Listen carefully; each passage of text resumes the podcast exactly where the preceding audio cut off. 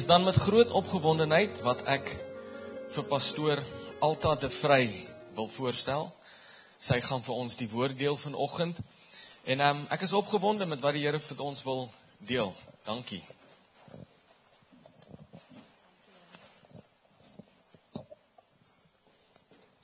Goeiemôre. Dis die vreemdste ding, ek was nog nooit hier nie, dis die eerste keer dat ek ver oggend hier is, maar ek voel so tuis by julle want ons het dieselfde gees en ons het dieselfde pa en dit maak dit ons familie is. En dit is so voorreg om ver oggend saam met julle te wees en die woord met julle te deel. Nou, um, ek en my seun het baie vroeg opgestaan vanoggend in hierdie koue om baie ver oor die rivier van Vanderbijl af na julle toe te ry, hoor. Ons is um die Nuwe Testament praat van sistersgemeentes. Nou ons is eintlik sistersgemeente van julle want ons is net hier oorkant jy oorkant die rivier. En um, ek en my man Johan is nou al vir 9 jaar daar in Dinamika waar ons voltyds bedien en dis eintlik vir my so vreemd dat ons so min met mekaar te doen kry. Ons is net so naby mekaar, maar dit is so lekker om vandag saam met julle te wees. Ek hoor 'n storie van twee boeties, skatryk boeties, maar hulle het maar skelmstreke gehad. Hulle het nie regtig integriteit gehad nie en hulle het so ryk geword omdat hulle baie mense ingedoen het in hulle lewenstyd. En toe sterf een van hierdie boeties. En die ander boetie gaan na die pastoor toe in hulle gemeenskap en hy gaan sê: "Pastoor, ek wil hê jy moet my boetie begrawe. Maar ek wil met jou 'n ooreenkoms maak. Ek wil hê jy moet op sy begrafnis sê hy was 'n baie goeie mens. En as jy bereid is om dit te sê, sal ek 'n groot donasie aan die kerk maak." Nou watter kerk het nou nie 'n groot donasie nodig nie? En die pastoor dink toe nie baie lank nie en hy stem in hy sê's reg ek sal sê jou boetie was 'n goeie mens.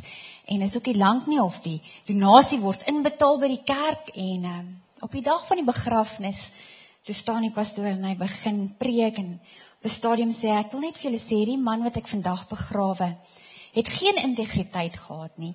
Hy was 'n skelm en baie van julle is ingedoen deur hom Maar in vergelyking met sy broer was hy 'n goeie mens gewees. Integriteit en eerlikheid, waarheid, onselfsugtigheid is maar karaktereienskappe wat skaars is in die wêreld waarin ons leef. En vandag wil ek baie graag met julle praat oor die tema van liefde en waarheid. Want ek dink Jesus het aarde toe gekom om vir ons in hierdie gebroke wêreld te kom wys wat is ware liefde. Wat is die waarheid? Ons leef in 'n wêreld wat so vol valsheid is en wat so selfsugtig is dat ons nie regtig meer die liefde, onselfsugtige liefde en waarheid altyd kan onderskei nie. Maar ek glo as kinders van God wanneer die Here in ons lewens is, dan verwag Jesus van ons om sy liefde en waarheid uit te leef in 'n donker stikkende wêreld.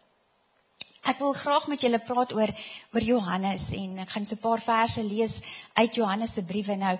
Johannes het vir ons 5 boeke in die Nuwe Testament geskryf, die Evangelie van Johannes, daai drie klein Johannes briefies hier agter 1 Johannes, 2 Johannes en 3 Johannes en dan het hy Openbaring ook geskryf. En as ek nou moet kyk na Johannes, hy was mos nou die geliefde disipel van Jesus of hy het homself die geliefde disipel van disipel van Jesus genoem. As ek nou na Johannes se lewe en sy boodskap kyk en ons lees bietjie deur sy evangelie en hierdie briewe van hom, dan dink ek die kernboodskap, die kerntema wat Johannes vir ons wou nalat is liefde en waarheid. Oor en oor is dit dit wat hy almekaar vir sy mense sê. Leef in liefde, leef in die waarheid. Daai twee dinge was vir Johannes verskriklik belangrik. Nou Johannes was 'n ooggetuie van Jesus se bediening. Hy was van die begin af daar. Hy het die wonderwerke met sy eie oë gesien. Hy het die preke met sy eie ore gehoor. Hy het saam met Jesus gereis. Hy het Jesus gesien, hy het aan Jesus gevat, hy het saam met Jesus geëet. Hy het 3 jaar van sy lewe saam met Jesus spandeer. Johannes het aan die voet van die kruis gestaan toe Jesus vir ons sonde gesterf het aan 'n houtkruis. Dit was vir Johannes wat Jesus gesê het, kyk na my ma. Johannes het vir Jesus gesien na die opstanding. Johannes het eerstehandse ervaring gehad van Jesus se bediening. En hy was die langslewende disipel, die een wat die langste geleef het van al die disippels wat saam met Jesus was. En ons vermoed daai laaste 3 briefies van hom, daai 1, 2 en 3 Johannes aan die agterkant van die Bybel, is so ongeveer in die jaar 95 na Christus geskryf. Toe was Johannes al 89, amper 90 jaar oud. Hy was die langs lewende ooggetuie van Jesus se bediening. So ek dink hy was iemand na wie ons kan luister.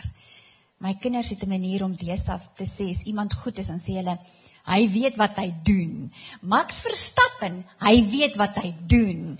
Die Pumas, hulle weet wat hulle doen. Nou ek wil vandag sê Johannes weet waarvan hy praat. Hy was daar, hy het gesien, hy het gehoor. Ons kan maar luister na hom. So ek wil saam met jou lees in 1 Johannes 4 vers 18. Waar liefde is, is daar geen vrees nie. Maar volmaakte liefde verdryf vrees.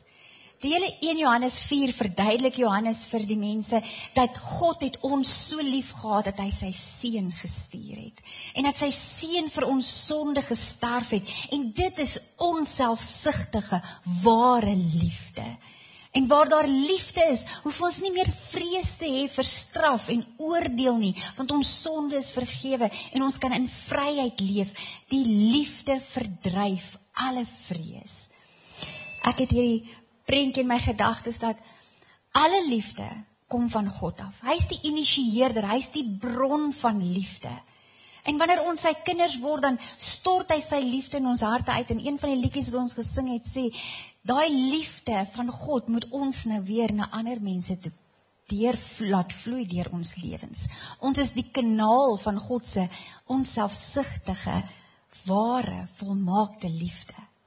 Maar ons is mense, ek en jy. Nie een van ons wat hier sit, dalk ken jy die Here al vir jare, maar nie een van ons is volmaak nie. Ons almal maak foute, ons almal het nog dinge in ons lewens waaraan ons werk. Nie een van ons kan regtig volmaak lief hê nie. Daar's net een wat volmaak kan lief hê. En dis die Here. Toe ek 'n klein dogtertjie was, ek dink ek was seker so 8, 9 jaar oud, het ons in Kimberley gebly. So julle kan nou verstaan my hart is nou baie hartseer oor die Griek was verloor het gister. Maar ons het in Kimberley gebly en ons het so 'n lang gang in ons huis gehad. En die laaste vertrek aan die einde van die gang was my ma se kamer. En my pa het 'n lazy boy gehad wat so op die punt van die gang gestaan het. So as jy in die gang inkom, dan sien jy die lazy boy daar voor in hulle kamer staan. En toe ek klein was, het my pa se etenstyd altyd so gereël dat hy saam met ons middagete geëet het en dan was hy nog so halfuur by die huis en dan moes hy terug gaan werk toe.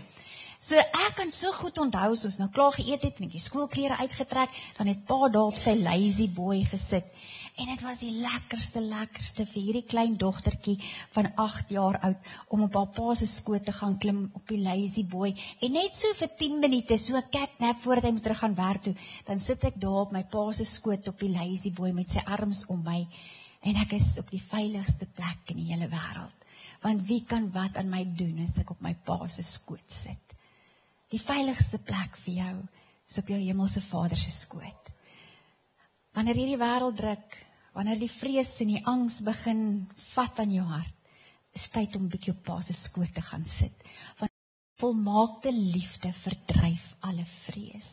Wanneer jy in sy arms is, dan verdryf daai vrees weg, weg. Dit vloei uit jou uit want jy voel liefde, jy voel vrede, jy voel aanvaarding. En wanneer ek en jy begin angstig raak oor die lewe, en vrees ons harte beetpak, dan glo ons eintlik in die negatiewe dinge. Vrees en geloof vat dieselfde geestelike spiere.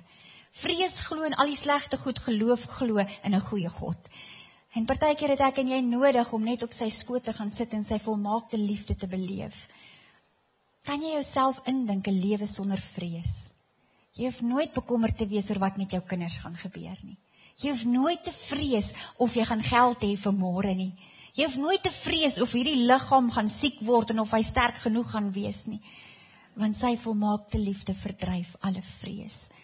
En ek wil vir jou sê as jy ver oggend dalk die persoon in hierdie gebou is wat sukkel met vrees. Dis tyd om op jou pa se skoot te klim en sy arms om jou te voel sodat sy volmaakte liefde alle vrees kan verdryf. 2 Johannes 5 en 6 sê die volgende.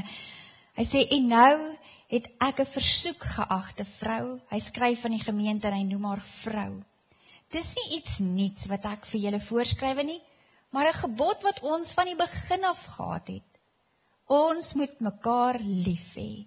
En liefde beteken dat ons volgens die gebooie van God lewe. Soos julle van die begin af gehoor het, is dit sy gebod dat julle in die liefde moet lewe. Dis nie iets vreemd of iets nuuts vir ons as kinders van die Here nie. Dit was van die begin af God se hart. God is liefde.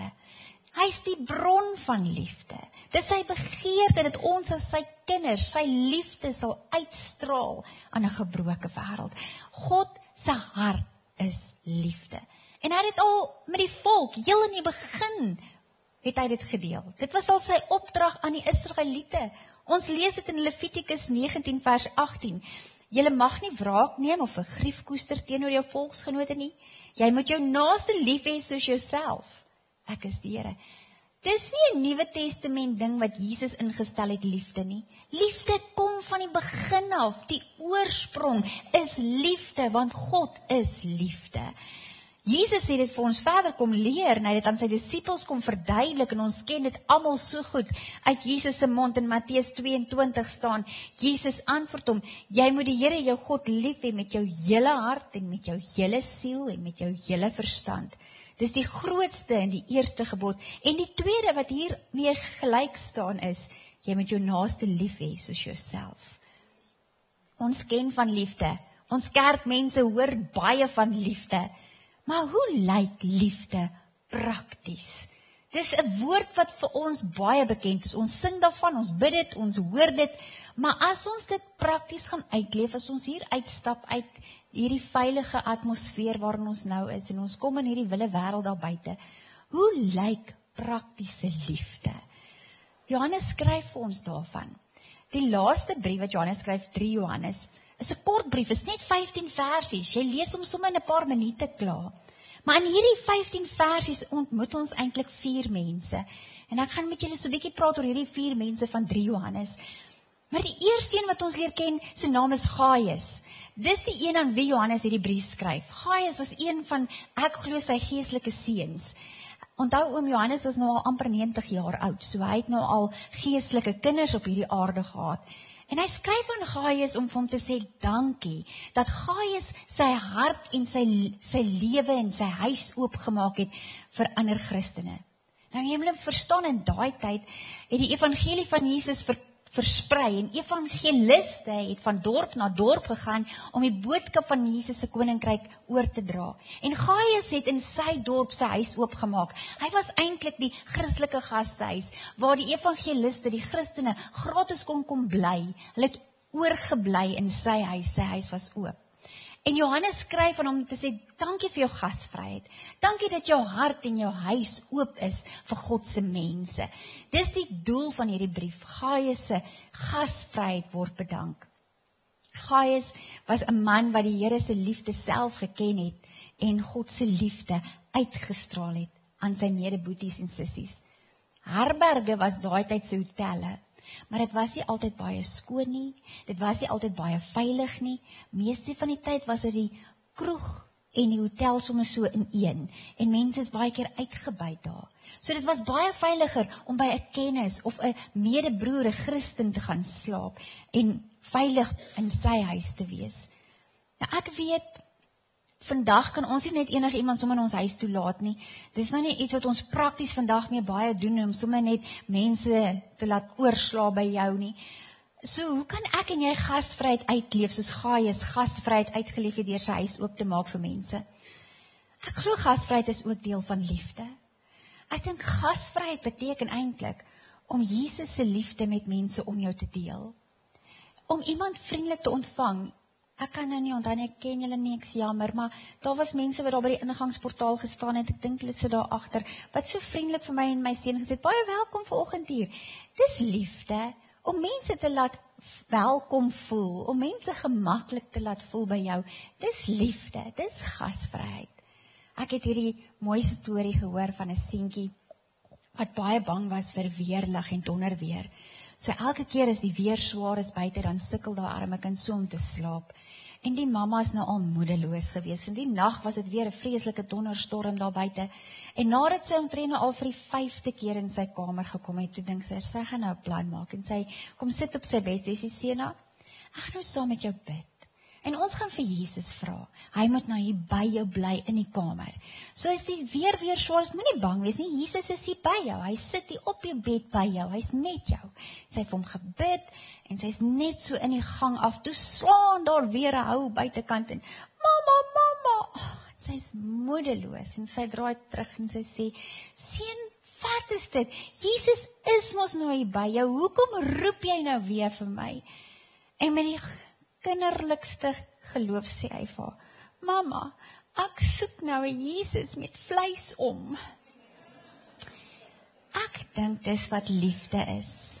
Ons is veronderstel om Jesus met vleis om te wees vir die mense in ons lewens. Ons is veronderstel om hierdie liefde wat God in ons harte uitgestort het, te deel met ander mense. En die manier hoe Gaius dit gedoen het, is uit sy huis oopgemaak. Hoe kan ek en jy dit doen? Ons kan iemand vriendelik verwelkom vanoggend. Ons kan dalk net vriendelik wees met die persoon by wie ons ons brood en melk gaan koop na kerk. Ons kan Jesus met vleis omwees vir die mense in ons huis, vir die mense in ons lewens. Lees saam met my in 3 Johannes 1 vers 2. Van die oudste aan Gaius, my vriend wat ek waarlik liefhet. Liewe Gaius, ek hoop dat jy gesond is en dat dit in alle opsigte so goed gaan met jou as wat dit geestelik met jou gaan. Jy kan hoor dat Johannes lief is vir Gaius. Ek het jou waarlik lief, my vriend. Ek wonder of Johannes nie self al in Gaius se huis dalk tuis gegaan het en daai gasvryheid ook eerstehands beleef het nie. Maar hy skryf hom en dis my die mooiste seëngebed, dalk die mooiste seën in die hele Nuwe Testament. Ek hoop dat jy gesond is. Want Johannes het geweet sal ietsie fout is in hierdie lyf, dan is alles sommer nie lekker nie. Ek hoop dat jy gesond is in jou liggaam. Ek weet dit gaan goed met jou gees, maar ek bid dat dit in alle opsigte goed gaan met jou. Weet jy dat die Here nie net belangstel in jou gees nie. Hy stel in jou hele menswees belang. Hy wil hê dit moet goed gaan in jou verhoudings. Hy wil hê jy moet 'n geseënde mens wees in jou finansies. Die Here stel belang in elke opsig van jou lewe. Wie van julle het kinders? As jy vir jou kinders bid, dan wil jy graag hê dit moet goed gaan met hulle. Natuurlik wil ons hê hulle moet die Here dien en dan wil ons hê hulle moet 'n goeie beroep hê sodat hulle genoeg geld kan hê en dat hulle net te worry oor waar kom die kos vandaan nie. Ons wil hê hulle moet goeie huwelike hê, hulle moet gelukkige gesinne hê. Ons bid vir ons kinders en dan bid ons dat hulle as mens 'n gelukkige, geseënde, vervulde mens sal wees. Johannes kom bid vir sy geestelike seun Gaius. Hy sê ek bid dat dit in alle opsigte met jou sal goed gaan. En dis my gebed vandag vir elkeen van julle, my geestelike boeties en sissies.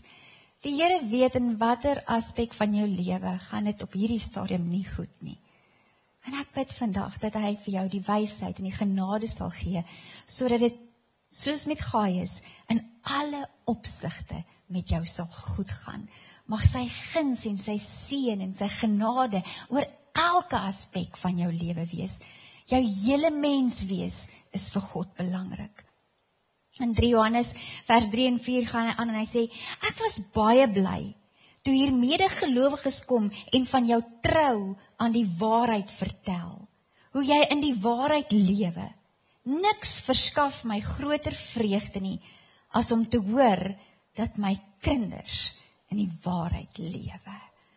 Wat kan dan nou beter wees vir 'n ma of 'n pa se hart as dat hulle kinders die Here dien nie? Ek wil hê Janko kom staan gou hier voor by my. Ek het darm toestemming gevra voor die tyd. Hierdie is my jongste. Hy's nou 13 jaar oud. Hy's 'n bietjie langer as ek as ek my hoekskoene uittrek. Wat kan 'n ma se hart dan nou blyer maak as dit haar kinders die Here dien? Ek wil vandag 'n bietjie breek en ek wil vir die Here al die eer gee. Met ons Pinksterdienste vroeër hierdie jaar het hy sy taal ontvang. En daar is geen groter geskenk wat ek voor kon vra nie. Nie 'n miljoen rand kan dit koop nie. Dis 'n priceless geskenk as jou kinders die Here dien en 'n pad met die Here stap. Ek ken julle nie. Maar ek is seker soos wat ons vandag in hierdie plek is, is hier van julle se kinders wat nie is waar hulle moet wees met die Here nie. En jou hart is bietjie bekommerd vandag. En jy weet nie regtig waar staan hulle met die Here nie. Maar ons kan ons vandag na ons hemelse Pa toe gaan en vir ons kinders bid. So ek wil net gou-gou pause druk in hierdie boodskap. En ek wil jou vra, as jy kinders of kleinkinders of agterkleinkinders het, dalk dien hulle die Here, maar jy weet, hierdie wêreld waarin ons leef, wil ons kinders insluk. En as hulle nou die Here dien, dan moet ons die Here vertrou dat hulle hulle verhouding met die Here sal sterk hou tot die dag wat hy hulle kom haal. Ek wil hê ons moet intree vir ons kinders volgend. Sal gaan vra, wil jy nie saam met my staan as jy kinders of kleinkinders of of agterkleinkinders het, staan saam met my. Ek wil 'n spesiale gebed doen vir ons kinders vandag.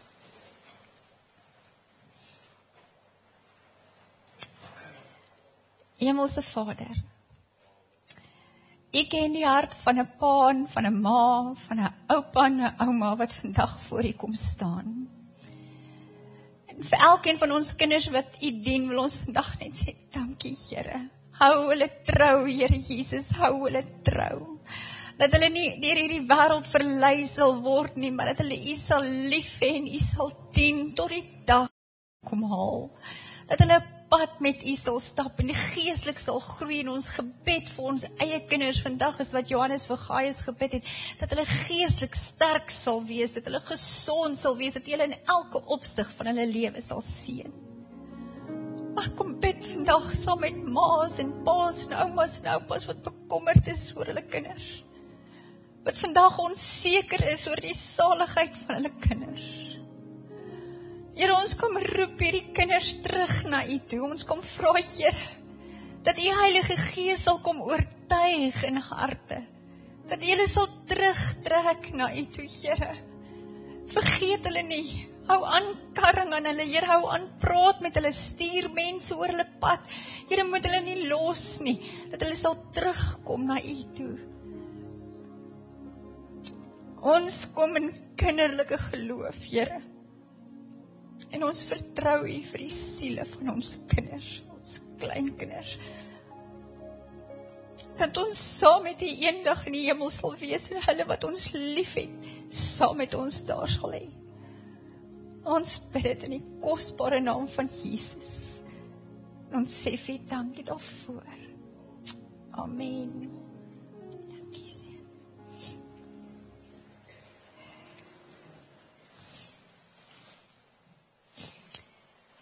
Moenie opgee op hulle nie. Bly bid. Bly glo. Ek dink nie daar is iets kragtiger as die gebed van 'n pa en ma vir hulle kinders nie. Dis opregte onselfsugtige liefde. Die manier wat jy jou kinders liefhet. Jy sal jouself indoen vir hulle. Dis die liefde wat God van ons vra. Maar ongelukkig in hierdie kort brief van 3 Johannes was daar ook 'n stout seun, 'n rebelse seun. En ons lees van hom in 3 Johannes 9:10. Ek het hieroor aan die gemeente geskryf, maar Diotrefus wat homself graag eerste stel, het ons gesag eenvoudig nie aanvaar nie. Daarom wanneer ek ook al kom, sal ek sy optrede onthou. Hy belaster ons deur bose gerugte te versprei. En asof dit nie genoeg is nie, ontvang hy selfs ook nie die gelowiges nie. Die wat dit nog doen, verhinder hy en verban hulle uit die gemeente. Ongelukkig was daar ook 'n Diotrefus in hierdie gemeenskap onder hierdie seuns van Johannes.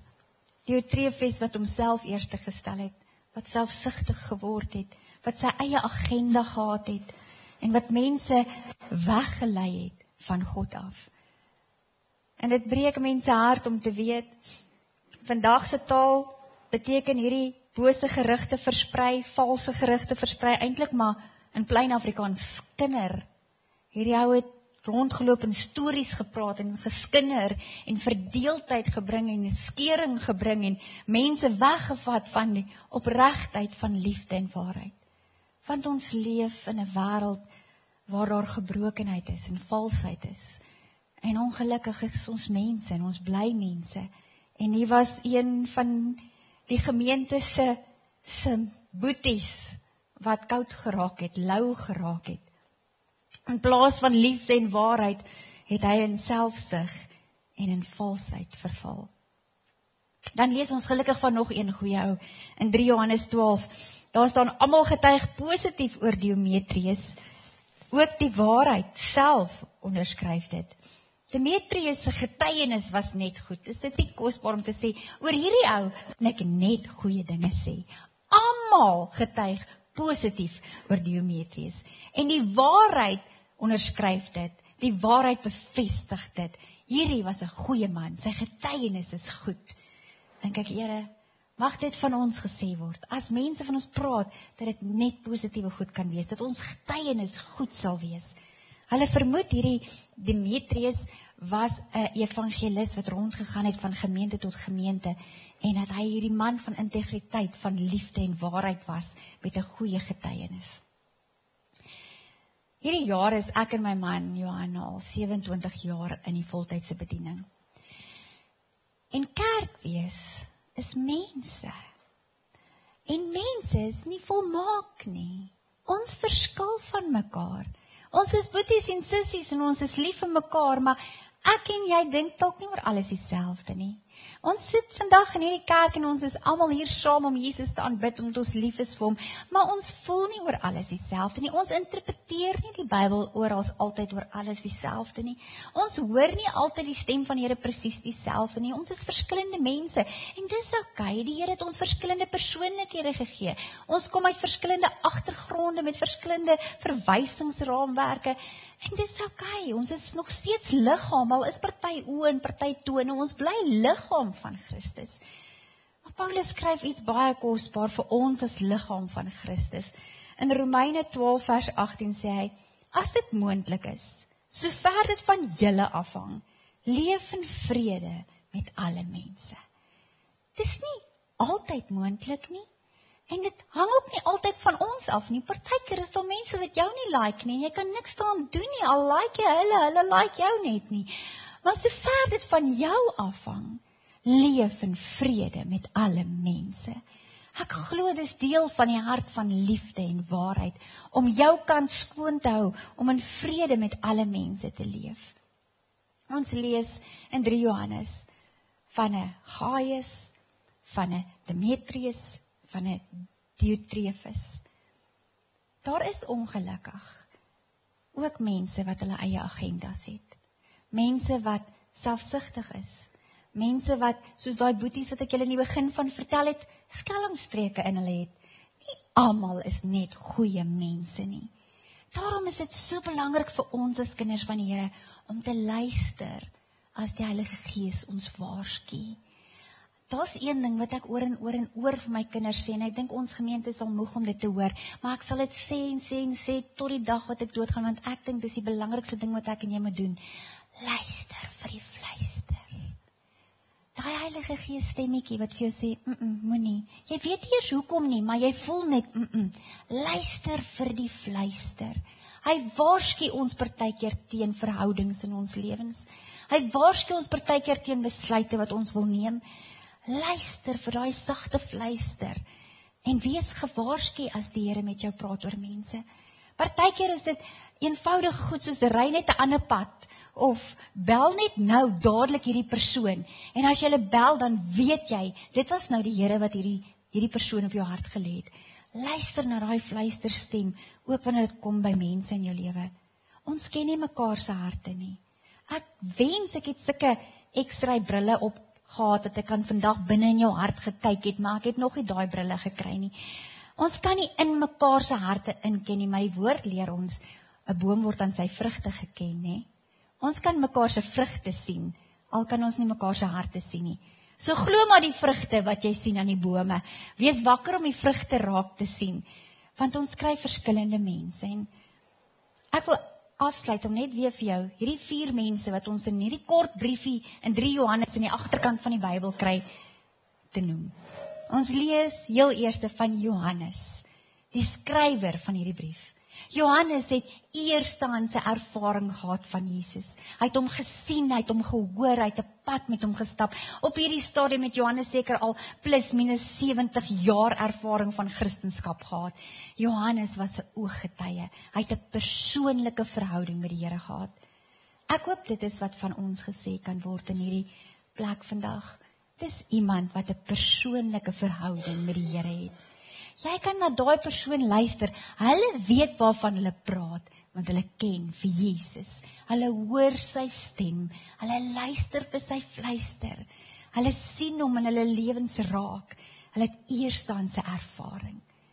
Dan was daar ongelukkig ook die Diotrefus, die rebelse ene wat sy eie agenda gehad het, wat selfsugtig was, wat vals was, Mag die Here ons bewaar en beskerm dat ons nie die duiwel sal toelaat om ons te kom weglei van die waarheid en liefde nie.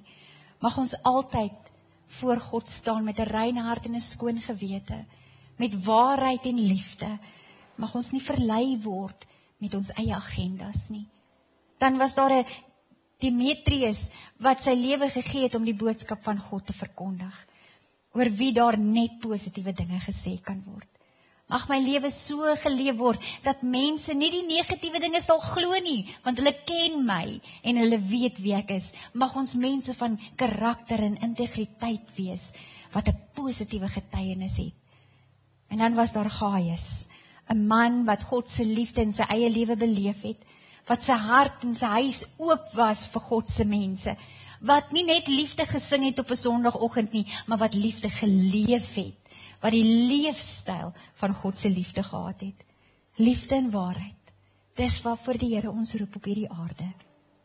1 Johannes 4 vers 11 sê: Geliefdes, as God ons dan so tot die uiterste toe liefgehad het, moet ons ook mekaar tot die uiterste toe lief hê. Hy het ons so lief gehad dat hy sy seun vir ons gestuur het. Hy het daai liefde in ons harte kom uitstort en vandag vra hy van ons gaan leef daai liefde uit. Ek is so dankbaar dat die Here my nie ophou liefhet elke keer as ek hom seermaak en teleurstel nie. Ek weet, soos wat ons in hierdie plek is, is daar stikkende gebroke harte. Is daar mense wat letsels in hulle lewens het van ander mense wat jou verwerp het en seer gemaak het, wat jou hart gebreek het. Ek wil jou vandag aanmoedig om te vergewe en te laat gaan. Ons almal weet hoe voel dit om seer te kry? Hoe voel dit om verwerp te word? Wat dink net daaraan hoe moet dit voel as jy jou lewe aan 'n houtkruis gee vir mense en hulle draai hulle rug op jou? As daar iemand is wat weet hoe dit voel om verwerp te word, om seer te kry, As daar iemand is wat sy hart breek, as mense hom in die rug steek, dan is dit Jesus. As hier gebroke harte is, volgens wil ek vir jou sê, jy weet vandag dat Jesus weet hoe jy voel. Hy verstaan seer kry. Hy verstaan verwerping, maar hy het nog nooit opgehou om lief te hê nie. Dankie tog dat hy nie die onskuldige straf oor die skuldiges nie. Dankie tog dat hy aanhou om ons lief te hê, selfs as daar so baie wat hom verwerp. En dankie tog dat hy ons elke keer 'n tweede kans gee, dat hy vergewe en vryspreek. En deel van liefde is ook om te let go, om te vergewe, om die seer in sy hande te sit, om vry te spreek sodat sy volmaakte liefde ons harte kan kom genees en ons sy liefde kan dra. Ek wil afsluit met die laaste versie in Johannes 14 vers 15. Iemand het 'n groter liefde as hierdie nie dat iemand sy lewe opoffer ter wille van sy vriende. Niemand het jou so lief soos Jesus nie. Daar's niemand op aarde wat jou hart ken soos Jesus nie. Niemand verstaan vandag soos Jesus. Ek gaan vra dat julle julle oë gaan sluit net vir 'n oomblik. Die waarheid wat ek volgend aan jou wil verkondig is dat Jesus het jou lief. Net soos wat jy is. Met al jou foute en jou gebreke, met al die dinge wat jy al verkeerd gedoen en gedink en gesê het. Hy's lief vir jou. En niks wat jy kan doen sal ooit sy liefde verander nie. Niemand kan jou lief hê soos Jesus nie. En terwyl ons in hierdie heilige oomblikke in sy teenwoordigheid is, terwyl elke oog toe is, wil ek hê jy moet 'n prentjie in jou gees kry hoe jy vandag in die gang afstap en jou pa sit daar op die lazy boy. En jy is 'n klein dogtertjie, 'n klein seentjie kom klim net op die skoot van jou hemelse pa. En op hierdie koue oggend voel sy warm arms om jou. Voel sy veiligheid, sekuriteit. Voel sy volmaakte liefde. En laat sy liefde op hierdie oomblik toe om alle vrees te verdryf. Here ons kom ruil vanoggend al ons vrese vir u vrede. En ek bid dat u deur die Heilige Gees deur elke hart sal kom spoel. Vergewe ons vir die keer wat ons u teleurstel. Maar help ons ook vandag om hulle te vergewe wat ons teleurgestel het. Om te let go vandag, om vry te spreek, om te laat gaan, om nie langer hierdie seer in ons harte te dra nie. Ons kom gee dit vir u. Bid dat u elkeen van hierdie kinders van u net kom vasdruk. Kom hou ons net vas, net vir 'n oomblik op u skoot. En dit voorigheid.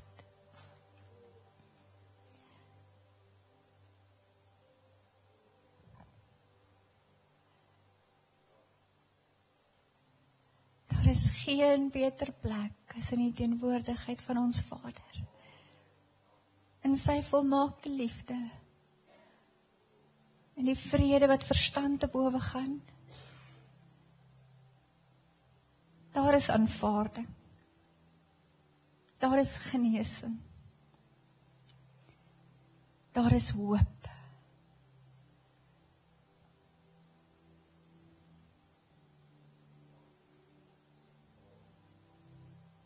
Dankie vir u teenwoordigheid.